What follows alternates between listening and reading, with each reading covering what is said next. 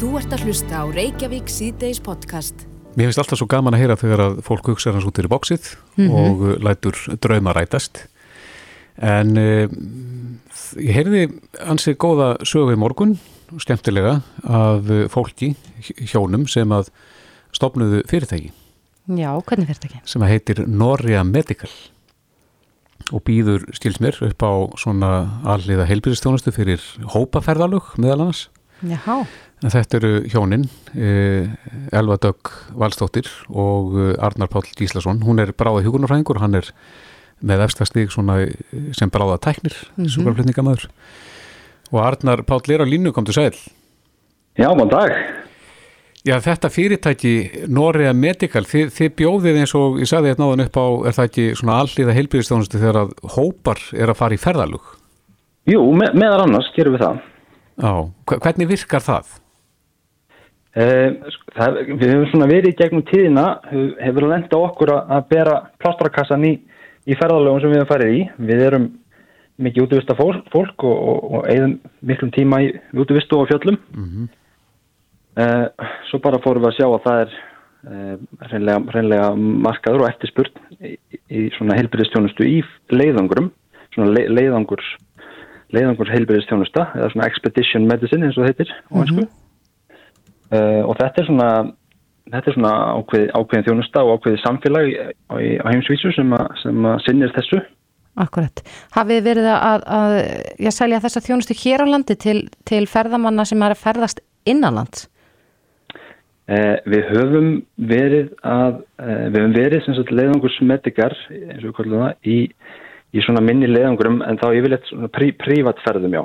Mm yfir vatnajökul og yfir myrkdalsjökul svona göng, gönguskíðaferðir, fjallaskíðaferðir, hjólaferðir verið að fara, já. Já, en gefum okkur það að það er stór vinahópur sem ætlar að fara í hjólreðaferðala til, segjum bara, Suður Ameríku.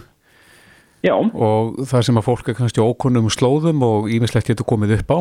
Uh, hvernig kæmið þið inn í það og, og hvert er ykkar svona verkefni? Einmitt, sko, það, kannski í grunninn að þá er, þá er svona okkar bæði við hjónin og, svo, og þessi frábæri hópur sem við höfum kringum okkur við samastöndum þó við höfum kannski farið á stað og búið til, búið til fyrirtæki að þá er ótrúlega flottur hópur í kringum okkur sem er mjög fjölbreytur af læknum og hjókunarfræðingum og, og sjúkarflutningamönnum mm -hmm. og, og þeir hafa og þetta fólk hefur og við höfum svona ákveðna sérhefingu hvert og eitt og það er útivistinn sem saminar okkur og íþróttir mörgu, mörgu mm -hmm. þannig að í svona verkefni að þá þá myndum við senda okkar færasta hjólara til dæmis. Eh, við myndum kynna okkur aðstæður á þessu svæði sem að væri verið að ferðast um á, eh, gera áhættum mat og, og viðbrasa áhættun fyrir leðangurinn, hvernig ætti að breyðast við ef eitthvað alvarlegt kemur upp, kem upp á. Mm -hmm. En á samaskapi myndum við fylgja hópnum, þannig ekki þetta hafa miklar áhyggjur af, af okkur. Við erum með fríska, fríska hjólar og fríska klifrara og og góða skíðamenn og svona uh, og þá myndum við sjá um svona alla, alla bráða heilbyrðistjónustu og, og almenna heilbyrðistjónustu raun og veru í ferðalæginu og gera svo plön að uh, áframhaldandi þjónustu með sagt, á því svæði sem við væri, væri verið á með þeim úrraðum sem er í bóði þar. Já, þannig að þið þyrstu þá setja ykkur vel inn í aðstæður á þessu svæði sem þið eru að fara að hjóla á? Já, við myndum kynna okkur hvar væri næstu helbriðistofnunir nálgast og, og hvernig utan spítara þjónustan virkaði á þessum svæðum og, og, og myndu setja okkur í samband með þessu einstaklinga og undirbúa, undirbúa svona allt, allt ferðlir um frá bara frá smá skrámu upp í, upp í stærri, stærri slis og veikindi. Mm -hmm. Hvað er langt séðan þið stopnuði þetta fyrirtæki? E, það var 2000 og í lokast 2018 sem við svona fórum að, að leggja línundar mm -hmm. Uh, og svo hef, var það í síðasta haust 2019 sem við fórum svona þá fór ég í, í fimm ykkur til í heimalægafjallin með henni Vilborgu Örnu já, já. Uh, og þá var ég leiðangur sem edik þar uh, og svo hefur þetta svolítið, svolítið svona undið upp á sig og, og, og það eru verkefni og Grænlandi og, og tekniborðinu og söðurskautinu og hér og, hér og þar um, um heiminn. Akkurat, en, en hvernig hefur þá, já, svona faraldur kórnaverinu haft áhrif, þetta hlýtur að hafa haft áhrif á eitthvað starfsemi, minna en ferðarlegu og annað slíkt? hann gerir það heldur betur en uh, við reynum svona við, þe þeir sem starfa í auðvitað þjónustu og, og bráða þjónustu þeir eru lausna miðar í eðli sinu og, og það sem við gerðum að við fórum uh, settum okkur í samband við kveikmyndaframlegendur, íslenska sem erlenda mm -hmm. Uh, svona til þess, að, til þess að brúa bilið á þessum ferðartakmarskona tímum uh, og og akkur, í, í þessum tölu orðum að þá erum við núna með uh, heilbyrðistjónustu fyrir töluvert stórt kveikmyndaverkefni sem er hérna á landi Já, já Búin að vera með það núna síðan í byrjun ágúst og það verður, það verður fram í miðan november Hvað gerir því slíku verkefni? Hvernig er, er dagurinn hjá ykkur? Þá erum við með þá er þessi frábæri hópur sem ég sagði á hann uh, við erum með nokkra lækna og hjókunarfræðinga og, og, og medika með okkur. Uh, við bjóðum upp á annars við erum á undirbúinustímanbylnu þegar vorum verið að undirbúa fyrir tökurnar. Þá vorum við með með, með medika á, á stöðunum til þess að þjónusta fólki sem er að einaði menn og annað sem er að setja upp sviðsmyndir og annaði þeim dur mm -hmm. svo núna meðan á tökunum stendur þá erum við með til tvo sjúkrabíla fullmannaða sem að bregðast við þegar, að, þegar eitthvað gerist mm -hmm. á tök, tökustaf og svo erum við með hjúkurnafræðinga á bakvöktum og allan sólarhengin fyrir, fyrir leikarahópin og Já. annars líkt. Telst það góður dagur í ykkar bransa ef þið þurfum ekki að gera neitt? Já, það sko, það er bestu það, það, það, þegar, við, sko, við, við fáum, þegar við fáum ekki mörg útköld sko, það er, er raun og veru allra, allra hagur þannig uh, við leggjum eins og miklu áherslu á að halda okkar fólki vel þjálfuð og, og, og tánum þannig að, þannig að það er, það er raun og aldrei döðstund þannig nefnum bara rétt í útkvöldum kannski. Einmitt, en Arna þegar, að, þegar að þið eru með eins og kveikmyndaverkefni núna þá er þið við tökur staðinu það ekki tilbúin að grípa inn í ef eitthvað fyrir ústíðis? Jú, það er einmitt þannig sko. Já, en hvað er, í, hvað er í töskunni hjá svona bráðatakni eða? Já, já það, þar kennir ímis að grasa. Er skurstofan bara í töskunni? Eh, ég segjum kannski ekki alveg skurstofan en, en við erum með mjög áþekkan búnað og það sem, sem finnst í, í þessum, þessum standard sjúkrabíl mm -hmm. sem, að, sem að er ekki nýra á, á, á, á svona, já, Íslandi mm -hmm. eh, til viðbótar við svona eitt og annað smálegt sko. þetta er þetta, það fer allt upp í bara allt neyri í sólavörn og, og, og flugnafælur og, og allt upp í mjög, mjög öflug verkelif og búin allir að bregðast við, við lífsóknandi ástundum. Já, já. Er þetta einstök þjónusta hér á, á Íslandi, hefur þetta verið til? Já, svona að, að þjónusta kvikmyndageran hefur, hefur það, það hefur verið gert fram til þessa af, hérna, af, af einstaklingum í, á höfuborgarsvæðinu sem ég allavega veitum. Mm -hmm. um, það sem við höfum eins og verið kannski að sérhafa okkur á eitthvað leiti, leiti er það að við bjóðum upp á svona allhliða þjónustu. Við erum bæði með læknistjónustu fyrir þetta fólk, kjókurnafræðinga. Uh, við höfum til dæmis, bara svona dæmis hvað við höfum verið að gera að, í þessu verkefni sem er þessu stóra verkefni sem við erum í núna. Mm -hmm. Þar hafa þau viljað innan sinna búða að sinna COVID sínatöku á sínu fólki mm -hmm. þrísvar í viku. Já, já. Bara alveg reglubundin tjekk og, og þá höfum við sem sagt í við höfum, við höfum séðum sína tökuna og sendt svo sínin til íslenskar erðagreiningar sem hafa sama skímað sínin. Getur ekki laumaði til okkar hvaða, hvaða verkefni þetta er sem er svona já, við, viða mikið? Já, já ef, ef ég myndi gera það þá er ekki vist að það er því svo mikið að gera hjá mig næstu dagana. Nú, já, já. Við erum það við þig. Já, takk fyrir það. En eh, við segjum bara gangi ykkur vel með þetta og, og það mun vantilega þá fara alltaf stað þegar að Íslandika byrja að ferðast aftur og hópaðnir geta þá haft ykkur með í för. Já, ég, ég get skilja að það sé miklu örugari svona tilugsun að, að hafa e, bráðatækni eða, eða hjókunarfræðingi eða lækni með í för. Ég, ég, ég vona það sé allavega til tilfinningin hjá fólki. Já, Arnar Pál Gíslason, einn eiganda Norrea Medical, kæra þakki fyrir þetta. Kæra þakki, sem við það gott, bless. Þú ert að hlusta á Reykjavík C-Days podcast. Reykjavík C-Days, það er óvært að segja mál málana í dag, er uh, mál etífsku fjölskylduna sem að stendur til að vísa á landi mm -hmm. og nú fengið uh, sína meðferði í kervinu Já. og uh, menn virðast vera óhaganlegir en, en alþengi tók þetta nú fyrir þar að segja alls er og mentamála nefnd í, í morgun. Já, En það, það á að vísa þessari sexmanna fjölskyldu úr landi á morgun Mm þannig að eh, já, tímin er ekki mikill ef á að gera eitthvað í þessum aðstæðum en það hefur verið kallað eftir því að fjölskyldunum verið veitt sko dvalarleifi af mannúðar ástæðin. Einmitt. En eins og ég sagði hér áðan þá kom allsherjar mentamála nefnd saman í morgun og tók þetta mál fyrir Guðmundur Andri Tórsson er fyrsti varaformaður nefndarinnar kom til sæl. Já, komið sæl. Já, hvað kom fram á þessum fundi? Það var nú svo sem ekki margt nýtt sem kom fram á þessum fundu og ég svo sem kannski átt ekki endilega vona á því. E, það var samt að skiptast á skoðunum og, og heyra í fulltrúum útlendingarstofnunar og, og dómsmálaðanöndirsins svona hvernig málið horfir við þeim og, og við gáttum þá jafnframt latið í ljós okkar skoðanir á, á þessari málsmeðferð og við svona skiptast á skoðunum en, en e, ég veit ekki, ég held þetta að hún kannski ekki breykt miklu þannig að þessi fundur. Nei. Nú hefur fjölskyldan eða lögumæðar fjölskyldunar uh, sendt kærunemnd útlendingamála þrjár beðinir. Já. Uh, tvær varða endur upptöku og einum frestun réttar áhrifa þannig að það verði þetta frestaði að þeim verði vísa á landi. Já. Uh, var þetta rætt á fundinum?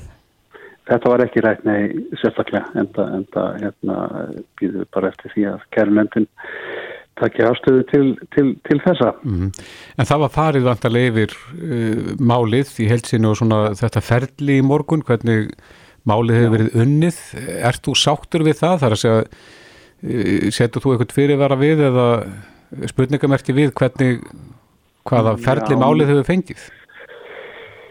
Já, sko, mér finnst kannski að e, það sé þarna spurningum sem kannski eh, ósvarar eða, eða, svona óljós. Mér finnst það kannski sérstaklega hvernig e, afgreitt eru réttindi þessara barna. Mér finnst það dálítið svona sjálfverkni í þeirri afgreiðslu. Það er sem sagt hérna látið duga að tala um að þessi börnunum fyrir bestu að fylgja fólkinu sínum en e, það er kannski ekki alveg kláruð svo hugsun þar að segja að það er ekki alveg e, fjallað um í hvaða aðstæður fóröldirarnir eru að fara þá með þessi börn inn í e, og, og ég til sjálfur að það ljóti að vera börnunum fyrir bestu að, að fóröldirarnir búi við öryggi og skjól og, og, og sem þau gera hér en við, við getum ekki verið vissum að þau geri e, úti.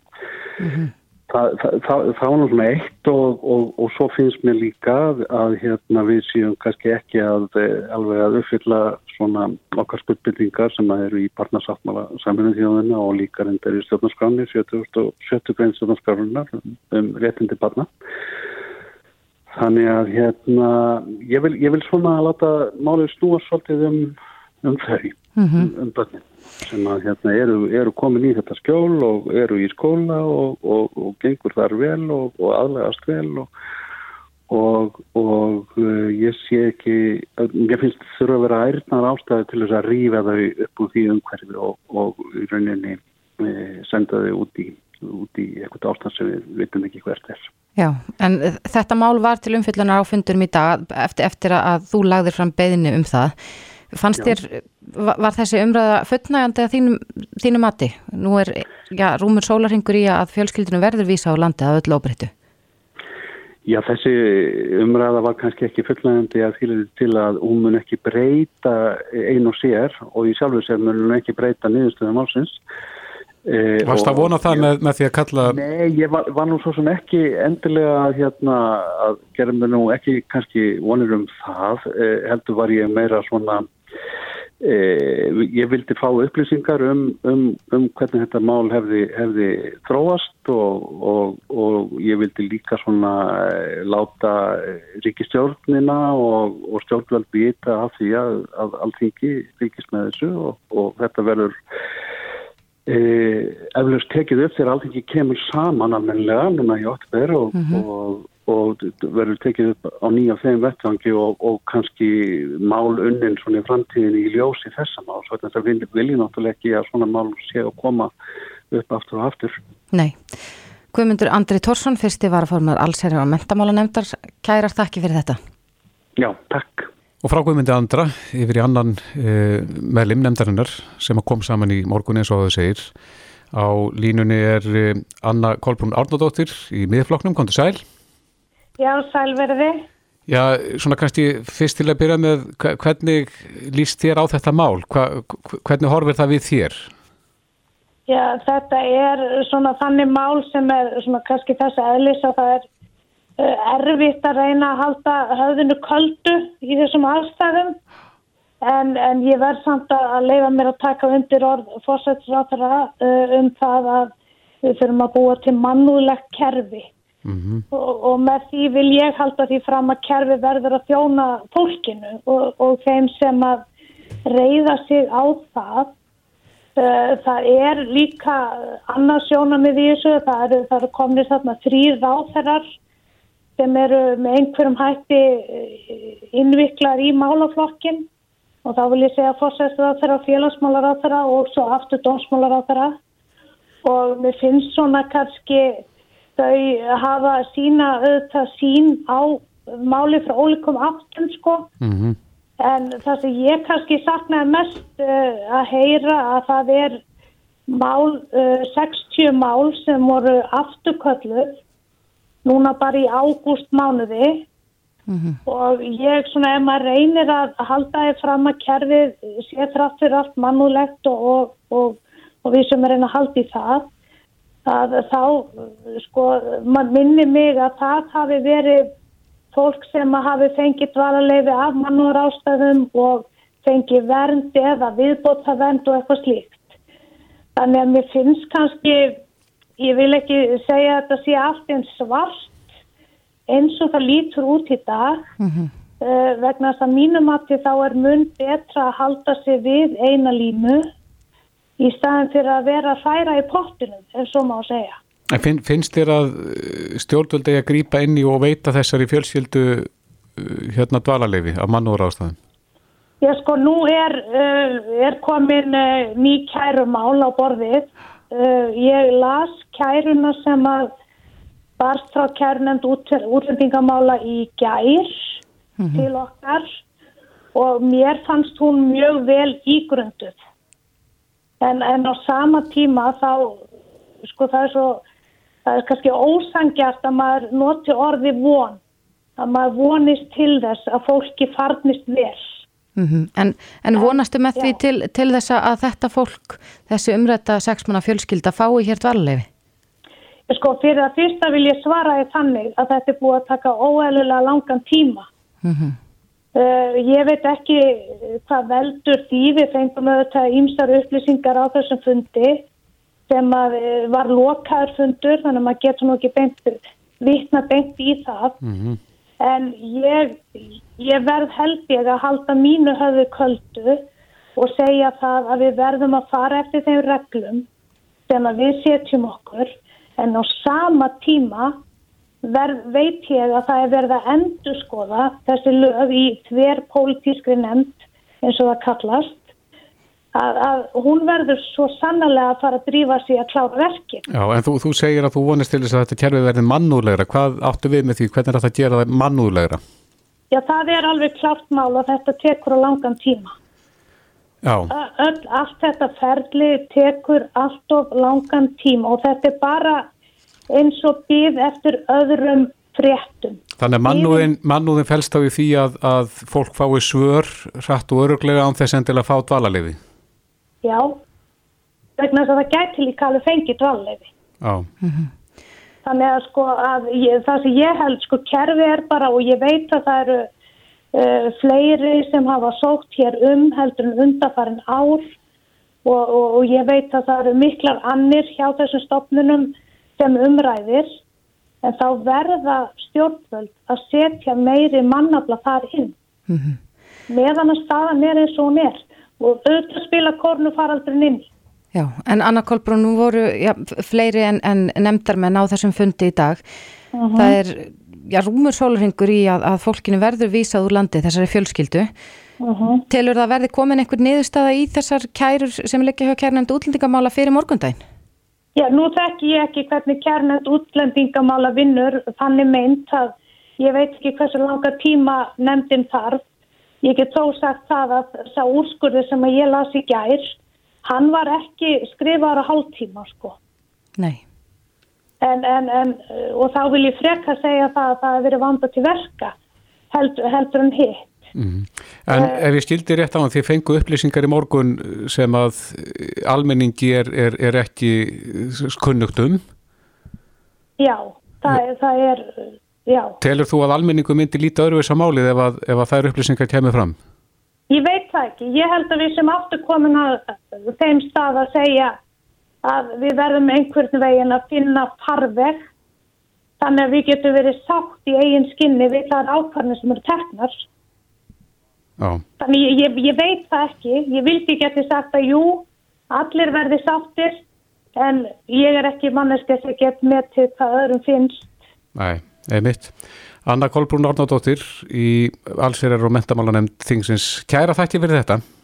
Takk kærlega fyrir. Bless, bless. Bless. Hlustaðu hvena sem er á Reykjavík C-Days podcast. Reykjavík C-Days eins og Kristófur bendi hér á, á þá vantar mig grein til að lesa úr niðurstöðunum og tilfinningagreintar prófunu mínu.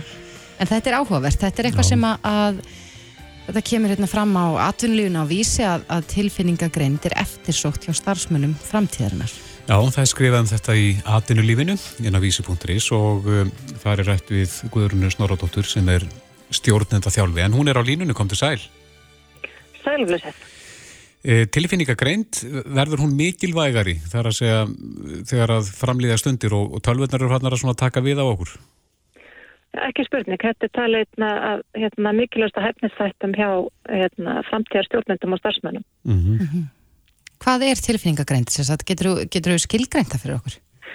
Já, tilfinningagreind er það að hún er mælt sem sagt, uh, þetta er svona skipnir í fjóra hluta og það er talað um að við þurfum að geta skinnjað hvað er að gerast innan í okkur. Það er að segja hvern okkur líður sem að Íslandekar eiga bara mjög með að svara ofta tíðum. Mm -hmm.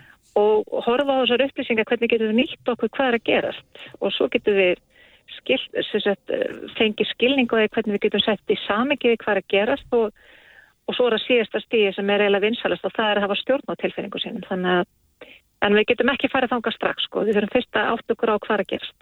Hefur tilfinningagreindin verið eitthvað rannsökuð hjá Íslandingum? Hvernig við stöndum okkur og hvað við erum á þessum skala? Ekki svo ég veitir til, en ég var nú bara senast að kenna þetta í morgun og hérna stjórnandóti og er mennið að tala um þetta hvað til dæmis við Íslandingar eigum alveg ótrúlega mörg nöfn yfir veðróttu en þegar við kannski tölum um til dæmis reyði mm -hmm. og hvernig reyði Mm -hmm. Þú veist, við eigum ekki, tungumáli styrir ekki við okkur. Eru við almennt lókuð? Nei, en ég held að, að fyrstur sé að spyrja sig hvernig líða mér og hvernig hefur það áhrif á, á fólki í kringum mig og eins og ég segi við stjórnendur, þetta getur nefnilega verið leinavotnið, þetta áttaði betur að hver þú ert og þá getur þið betur lesið út úr umhverfinu. Þannig að stjórnandi til dæmi sem að lætur eigin vanliðan eða pyrring bitna á starffólki sínu mm. það er ekki tilfinningagreindur stjórnandi? Já, ekki að maður sé bara meðvitað að beita sér sko. En ég held að við viljum nú frekar svona flest okkar vera næst sko en, en margir láta tilfinningur hlaupa með sig gunur mm -hmm. og ég var nefnitt bara að hlusta, ég var nefnilega að segja frá því að ég, ég, var, ég stilt inn á áður en að hérna, þið töluðu mig. Mm -hmm. og ég, ekki það að ég ætla að fara að gera lítið úr viðmælundum ykkar en fólk var reitt. Já, í síma tímanum hérna á það Já, já, og ég var að hlusta á það og ég hugsaði já vegna þess að sko þegar þú áttar það á því að það líkur eitthvað bak við tilfinningum að þá, þá getur maður horta á döruvis eins og veist, það er ástæði fyrir þér 200 mannsnir austuverli núna og það er vegna þess að þau upplifa að það er eitthvað ósangjart mm -hmm. og þegar maður skilur hvar bak við tilfinningar að þá er auðvildar að taka stáðið það hvað sem að það er stjórnandi eða bara samstagsmaður mm -hmm. En getur maður rækta tilfinningagreindina? Ekki spurning, ég menna til þess að bæta sig hverju sem er að þá þarf maður aðtöða hverju staðan. Maður þarf að skilja hverju staðan á mér. Og það er þetta mæla tilfinningagrein þess að fjóla þættir sem ég talaði um á þann og þegar maður veit svona baseline en maður veit hverju staðan á viðkomandi þá er þetta að vinna með þetta. Mm -hmm. eins og hvert annan hver, hvern annan vöðva í líkamann Getur þú að gefa okkur dæmi um eitthvað svona æfingar sem við getum nýtt okkur heima? Tilfinningagrein, það er bara rosalega gott, eiginlega fyrsta steg tilfinningagrein að þetta með að, að, hérna, að skinja sína eigin tilfinningar. Það er svona bara að taka svolítið hitastegi á sér yfir daginn og spyrja sér sjálf hvernig líður mér.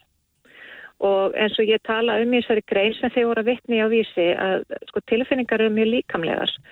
Þannig að byrja átt að segja á, þú veist, hvað er líkur sorgin og hvað er líkur kvíðin og þú veist, hvað er að gera stafna og þá getur maður meira að fara að setja sko orð á tilfinningarnar og það er raun og veru fyrsta steg tilfinningagreindar. Þannig að það er til dæmis mjög áhugaverð æfing að gera. Mm -hmm. Og þetta getur maður líklegast líka að kenta börnum? Þetta er þetta það sem við ættum að vera að kenna börnum, skiljum mig, í mm -hmm. grunnskóla. Þegar það eru vissar hætnistættir sem að tækning getur ekki fullnægt eins og allir þessi mannlegu þættir skiljur mig að, að sína samheið og halda auksambandi og snerting, allt þetta er eitthvað sem tækning getur ekki ennþá gert allavega og þannig myndi við geta undirbúið krakkan okkar betur fyrir þau störn sem verða til mm -hmm. gera þau í raun og veru samkeppnashæfari mm. Er þetta eitthvað sem að þurfti að kenna í skólum? Ekki spurning það er algjörlega, hérna, ég menna, ef við hugsiðum, nú veit ég allan að þú Kristofur að við erum að setja um aldrei, mm -hmm. veist, þetta var ekkert rætt heima hjá okkur, sko, þannig að það er ekkert skrítið að fólk eigi erfitt með þetta. Nei, er þið vopnar í dag? Hæ? Er þið vopnar í dag? Er, er heldur þetta sem meira rætt á, á hérna, heimilum yngri foreldra? Eh, ekki, við erum líka að reyna sko, við erum að reyna að læra og, og tala, ræða við hérna börnun okkar um tilfinninga svona eftir okkar fremsta megni sko uh, og svo er það áhugavert að því að nú vinn ég við að, að þjálfa stjórnendur að svo eru stjórnendur hissa því að þessi kynslu, þessi seta og slónkynslu, þessi yngri kynslu á vinnumarka, þau koma nefnilega vinnumarkaðan og vilja ræða tilfinningar mm -hmm. og það er bara vegna þess að það er eitthvað sem að við sögðum að gera heima sko. Þannig að þau koma oft út og það er oft mikil frustration í kringum það hver mikið er að taka á persónulega lífun og í vinnuna og svo framvegis. Mm -hmm. En veist það voru nú aðeins að tala um gerfigrind í náðan. Finnur Já. þú það í þínu starfi sem stjórnundathjálfa að fólk er svona í óvissu með hvað þetta mun já, leiða af sér í framtíðinni á vinnumarkaði? Já, ég menna rannsóknir sína að við horfum 15 ár fram í tíman að þá meðum við jafnveg að vona því að, að 50% starfa sér annarkot horfin eða orðin eitthvað annað. Þannig að sko COVID er raun og verið setti bara fjórðið innbyltingun á stela. Það er það sem gerðist. Mm -hmm. Hún hraðað okkur inn í ferlið og það eru þetta mjög margir óttaslegnir og ef þú hugsaður um það sem gerist áðan hjá okkur í fertinum að sko reyðið ytröð eru byggð á óta mm -hmm. og vannmætti. Þess vegna, menna, þú veist, þess vegna sína til þess aðsóknum að þegar fólk fyrir gegnum á krísutímpil eins og við höfum verið að upplifa í COVID-inu að þá, þá verður það dómharðara í hérna garð annara og það fer í flokkaskiptingu við og þið sko mm -hmm. og, og fer svolítið í það að venda sitt þetta er mannlegt aðlið séðu til Já. þannig að það, það eru miklar upplýsingar sem liggja í tilfinningum fólks Já, einmitt og það má lesa e, greinin og viðtali við þig eh, inni á aðunulífinu á vísi.is Já Guðrún Snorradóttir stjórnenda þjálfi. Kæra þakki fyrir spjallið. Herðu, takk fyrir mig. Takk fyrir tækifærið. Segð það. Bless. Reykjavík síðdeis á bylginni. Já, Reykjavík síðdeis klukkuna vantar ádel mínútur í sex og við ætlum að þess að færa okkur yfir í mál sem við vorum að ræða hér endur í gær. Það halda eins áfram með það, það eru hjónastílnaðir. Já, í gær töluðu við, við hjónabatsrákjafa sem mm. sagði að já, það væri líka núna kom upp svona svolítið erfið tímabil fyrir marga þar sem að atvinnuleysi er mikið og, og fjárhagserfileikar geta verið gríðarlega erfið fyrir parsambund. Já, akkurat. Hún er komið til okkar Guðrún Karls Hel Helgudóttir, sóknarprestur í Grá styrkju. Velkomin. Áður en við vindum okkur aðeins í þetta mál, mm. þá langar okkur aðeins að spyrja þú þetta því að kirkjuþingin í lókið. Já. Og þar var, er það ekki heitt mál uh, Jésúmyndin? Já, það var nú reyndar kannski ekki heitasta málið, en, en auðvitað var það rætt, en það er það eitthvað sem snertir alla mm -hmm. og það má kannski segja að nú sé allt fólk að tala um Jésu og það er eitthvað. Þannig að heldur þetta að vera bara góð markasetning fyrir kirkuna að, að já, hafa Jésu á allra vörum? Ég veit það ekki, ég veit að ég er ekki viss um það. Eh, við veitum náttúrulega ekki hvernig Jésu sleit út það veit enginn mm -hmm. og allar myndir sem við höfum búið til að Jésu eru sjálfsagt kólrángar og þarna var eitthvað viðleitni til að gera mynd af Jésu sem að myndi einhvern veginn fanga allt litrófið. Mm -hmm. öll kyn, allar kynneigðir og já, okkur öll í okkar fjölbreytni. En e, allt á sinn stað og stund. Og það er alveg ljóst að þessi mynd hefur sært mikið af fólki. Og svo er líka mikið af fólki sem er reytt yfir því að það hafi sært fólk og, og þetta er einhvern veginn svolítið í allar áttir og mjög mikið af fólki með skoðanir á þessari mynd þannig ég veit ekki svona þegar upp í staði hver áhrifin hafa verið en, en kirkjan vill ekki særa það er Nei. alveg ljóst, kirkjan vill ekki særa fólk En var eitthvað lending, var, eitthvað ákveðið eða? Eða vorum við bara samálum að vera eh, ósamálum þessa mynd? Nei, já, kirkjuþing sendi frá sér tilkynningu þess efnis að kirkjuþingi þætti leitt að þessi mynd hefði sært fólk mm.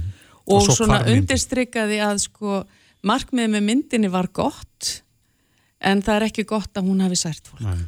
Mm -hmm. Þá við í máli sem við kolluðum yngar til að ræða okkur um, það eru hjónastílnaðir. Eh, verður þú sem prestur vörfið eh, aukna tíðni hjónastílnaða? Við verðum sjaldan vörfið aukna tíðni eða mingandi tíðni á skilnaðum prestar. Fólk leitar til okkar alltaf svona, svona nokkur reglubindið út af skilnaðum þá til að fá sáttavottorð en það er bara fólk sem að á börn yngre nátjónara sem að kemur til okkar. Mm -hmm. og enn er ég að gifta fleiri en skilja. En á sama tíma veit ég náttúrulega bara vegna þess að tölur sína það að skilnaðum hefur fjölgað og uh, það hefur ef eitthvað er þá hefur fjölgað að fólk komi í hjónabandsráðgjöf en það fólk leitar mjög mikið til presta út af hjónabandserfileikum Já, og þið, þið ráðleikið þá fólki eða, eða vísið um annað, er þetta einhverjum gift fólk sem að leitast í nei, ykkar? Nei, parasambönd, algjörlega, já, nei, fólk þarf alls ekki verið endilega gift til þess að eiga í vandraðum í parasambandinu sínu. En hefur eðli Vi, vandamála... Við vísum fólki líka annað, sko, við bæði hjálpum til, mörg okkar hafa mikla þekkingu og reynslu og önnur ekki og, og svo er vandamálinn svo misjöfn. Mm -hmm. og við erum líka með fjölskyldu þjónustu kirkunar þar sem er búið upp á ráðgjöf hjá að félagsráðgjöfum En hefur eðli vandamálun eitthvað breyst svona í ljósi tíðarhandans? Ég merki það að mjög mikið af skilnaðum e, eru vegna, margir skilnaðir núna eru vegna heimilisofbeldis. Meira en áður? Allavega ekki minna en áður. Mér, sko það, það verðist vera bara þó nokkuð algeng ástæða fyrir hjónaskilnaðum að það sé einhvers konar ofbeldi einhver staðar og það er of mikið af því. Og, og það er náttúrulega líka það sem að tölur sína í dag að heimilisofbildi hefur aukist. Mm -hmm. og það er náttúrulega alveg ferlegt.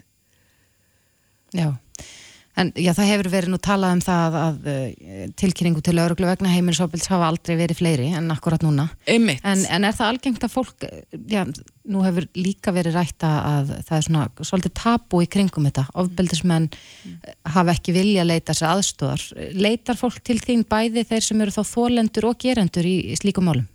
Eh, oft er, er það kannski þólendurnir frekar þó einnig gerendur og oft komuðu líka saman bæði stundum er það þannig að það kemur ekki fyrir en sko kemur bara upp úr dúrnum eftir eitthvað tíma að ég fer að átta mig á því að þarna á sig stað ofbeldi. Það er ekki alltaf að fólk sé búið að átta sig á því, það er ekki alltaf að fólk vilji segja það. Það vill ekki tala um þetta og eðlilega þetta er bara einn flóknust og erfiðustu mál sem eru til og það er náttúrulega hægt að fá hjálp. E, mjög mikið af fólki sem beitir ofbeldi gerir það vegna kvíða og, og svona það kann ekki samskipti, það kann ekki að, að tjá sig nema með hörku og ofbeldi og ekkert endilega bara líkamlega, veldi líka andlegu. Og það er alltaf ákförðun mannesku að beita ofbeldi og þess vegna er líka hægt að hjálpa mannesku að taka það ákförðun að beita ekki ofbeldi. En það getur tekið langan tíma og, og verið mikil vinna en það er hægt og það er ekkert alltaf að það kannski e, gangi upp að fara í þá vinnu með makanu sem varð fyrir öllu ofbeldunu oft gerist svo vinna setna ef að fólk fer í þá vinnu. Mm -hmm. En fólk leita til ykkar eftir þessu sátt af vottorði. Já. E, Er það algengt að, að fólk hætti við? Hætti við að skilja? Já. Ég veit ekki hvort það er algengt en það er alveg svolítið um það, já. Eftir að fólk er komið á þetta steg Já.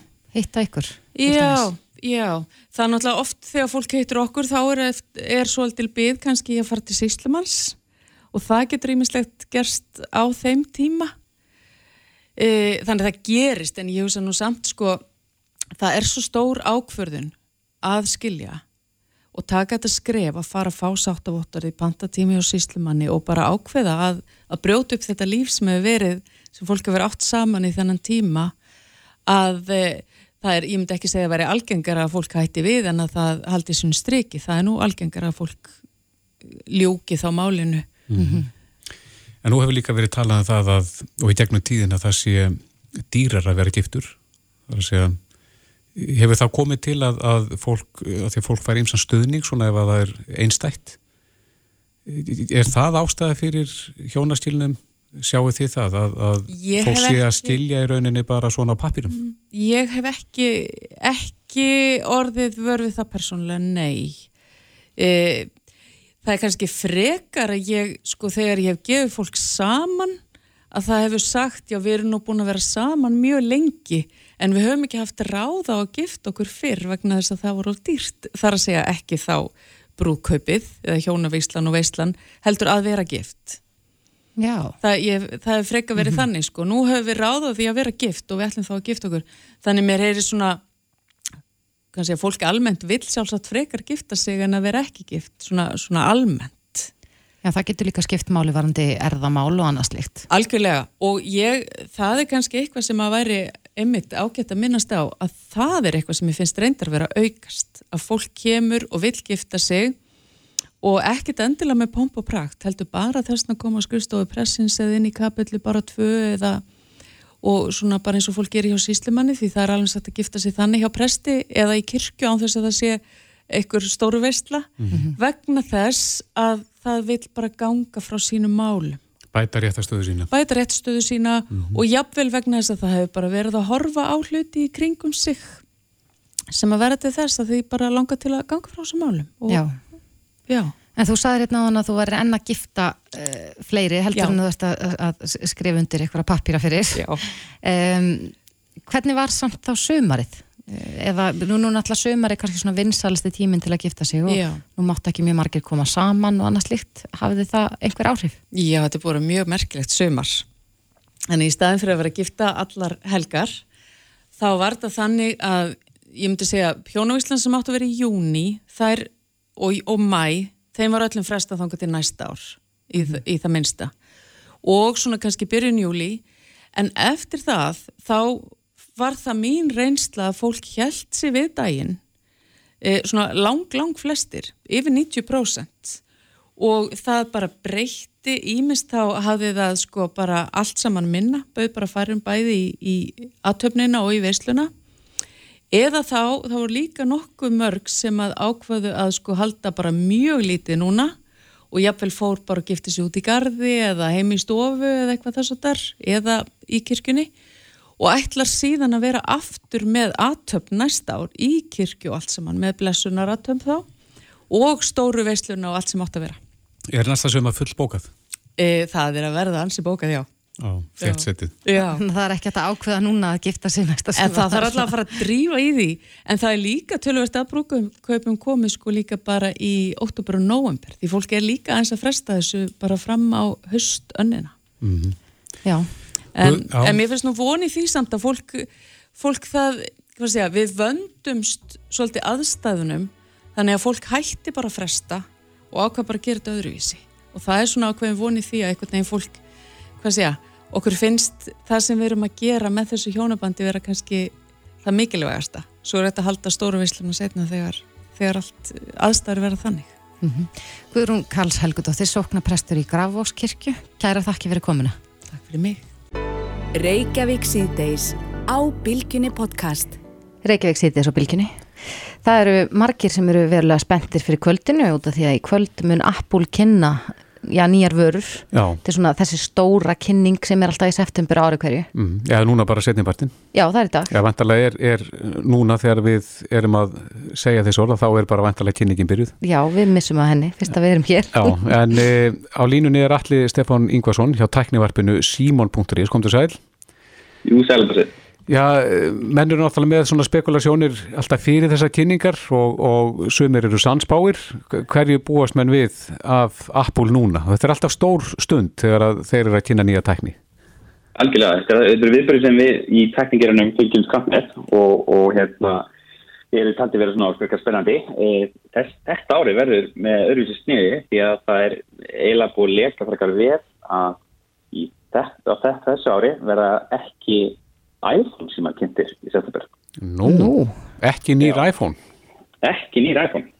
Uh, það eru fjóri nýr iPhone á leðinni, er talið vera. Mm -hmm. en þeir verða líklega kynntir í oktober sem er vanalega uh, kynningin sem er fyrir það sem iPad-ir, spjáltölunar eru kynntar. Hvers vegna eru þeirra að ruggla mann svona í rýminu með þessu? Sko það kom fram á uppgeri, síntalsuppgerum daginn frá fjármánastur Apple að iPhone símanir þeir eru aðeins sittni ár út af uh, ástandinu sem ríkis, út af uh, COVID-19. Og þá er talið núna að, að Apple hafi fært fram kynninguna á skjálfölunum og nýju snjallúri, Apple Watch 6, Series 6. Þannig að við fáum að sjá hérna, nýjan iPad, uh, líklega nýjan iPad Air sem er miðju iPadin Mhm. Og hann kemur í útlutinu sem hefur verið notað á iPad Pro. Og svo er líklega stór uppfærsla í vendum sínist mér hjá á úrunu hún fái mögulega eða það fái mögulega nýja, nýtt útlit. Já, nýtt útlitt. E, e, þá ekki kassalaga eða... ég held að kassala útliti verða áfram. En ég held að rammin muni kannski fara út í útliti sem maður hefur séð af iPad Pro iPad Pro er með svona hérna, uh, hvað maður segja, beina kantar Mhm. uh, sem uh, minna svolítið á iPhone 5 ef munið fyrir honum. Mm núna, sem sagt, síðan frá iPhone 6 þá var kantanir verið svona vel rúnar og núna er talað að þeir verði svolítið svona kassala eins og iPad Pro. Já, og það er talið að iPhone-ir og úrið fái þetta útlit einmitt. En úrið, það nú, hefur nú svolítið verið talað um það, þeir hafa alltaf verið á heilsu línunni og, og hafa verið með framalega þar. E, hverju búast menn við að, að verði bætt við úrið núna?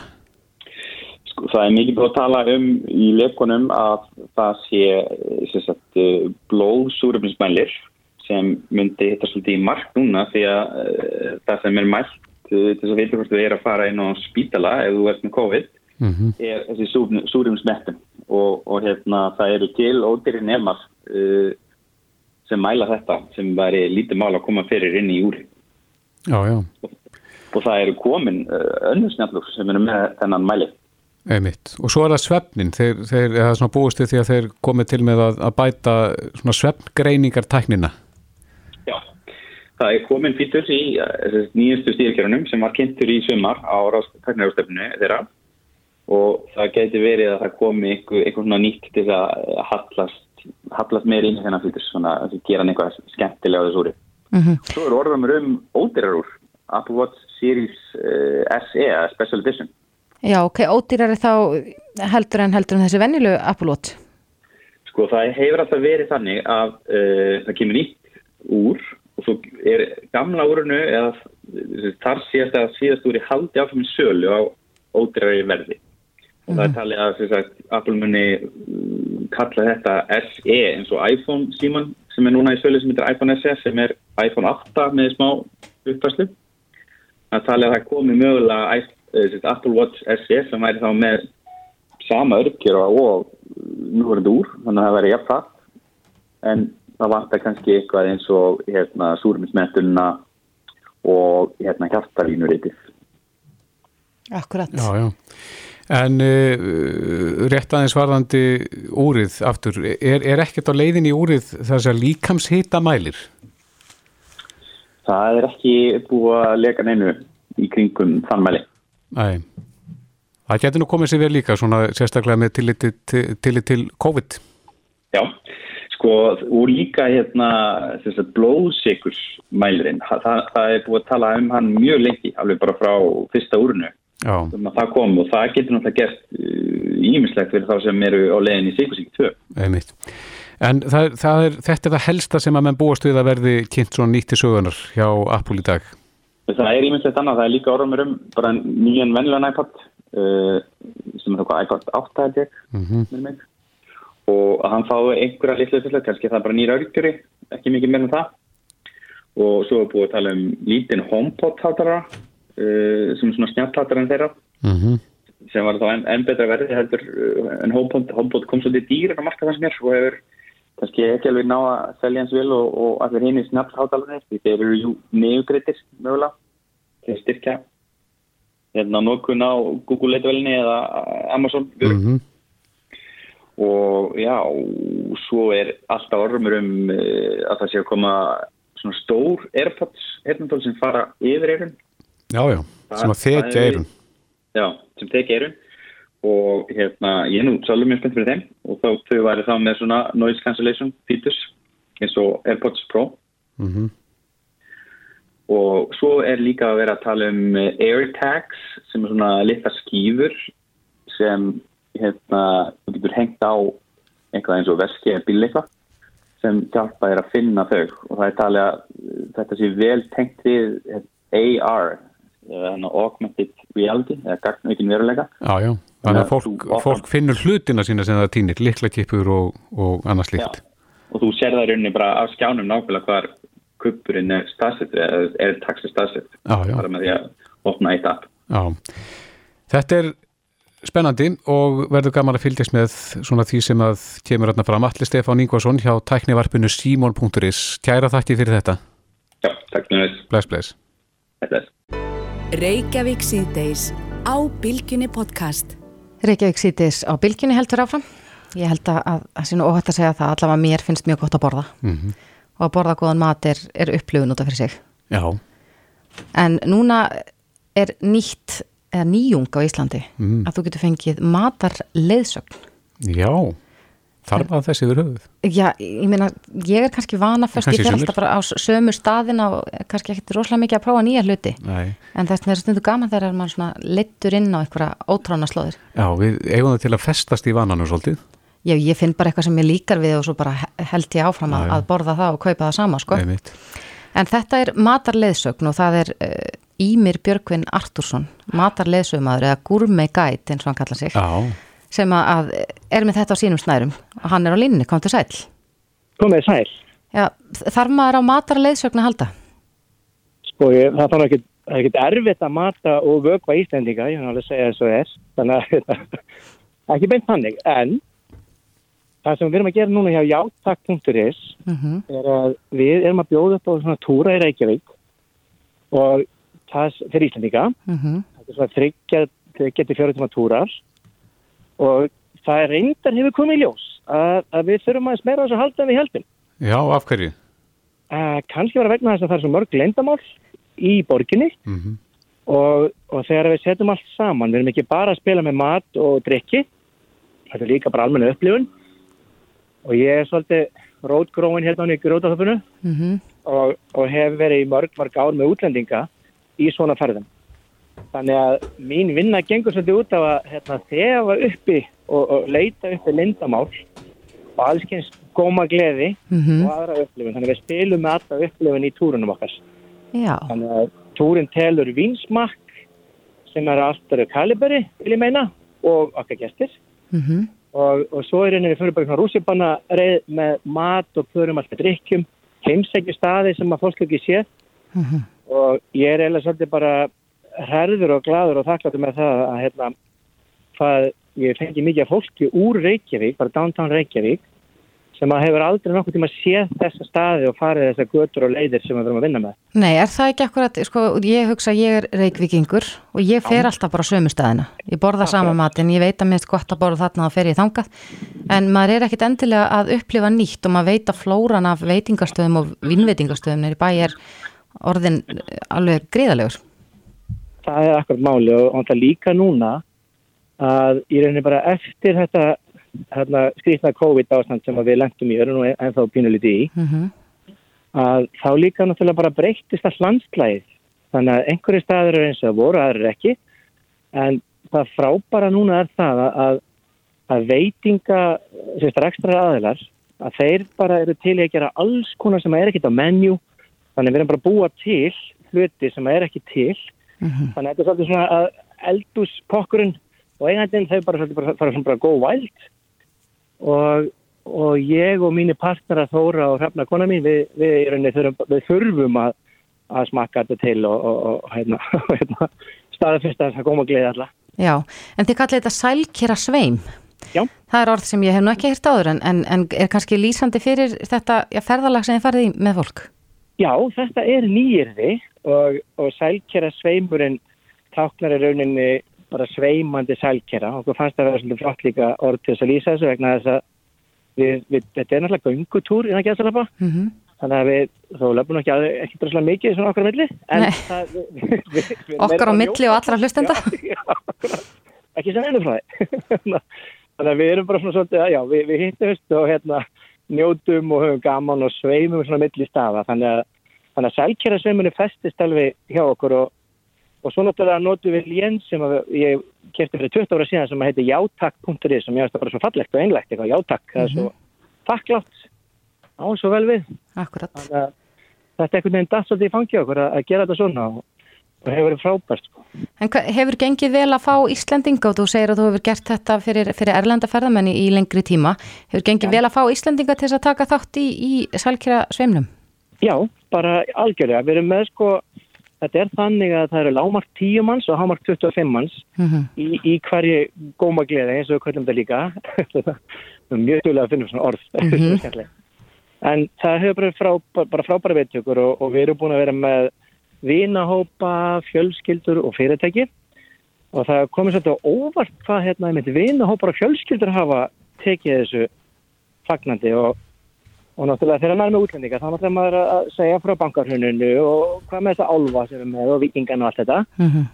Þannig að það er, það er hérna, ég er alveg að njóta mín í botn með Íslandíku vegna þess að maður getur sleppt þessum kabla og farið bara beint í svona skemmtilega hluti mm -hmm. og, og það er líka svo mikil orka, mismætti orka í hverjum hófrið sig og þannig að ég er og við öll sem erum í þessu, við erum með frábært fólk með okkur og við erum bara einhvern veginn já, bara óbærslega hissa og herða og þakklætt yfir, yfir móttökunum og, og mest af öllu hvað allir eru uh, bara algjörlega agdofa yfir þessum stöðum og þessum mat og allir þessar upplifun Hver, eh, Hvernig er það? Þarf maður að, að svelta sig yfir daginn til þess að hafa pláss svona um kvöldið eða er þetta bara svona smakka á hverjum stað?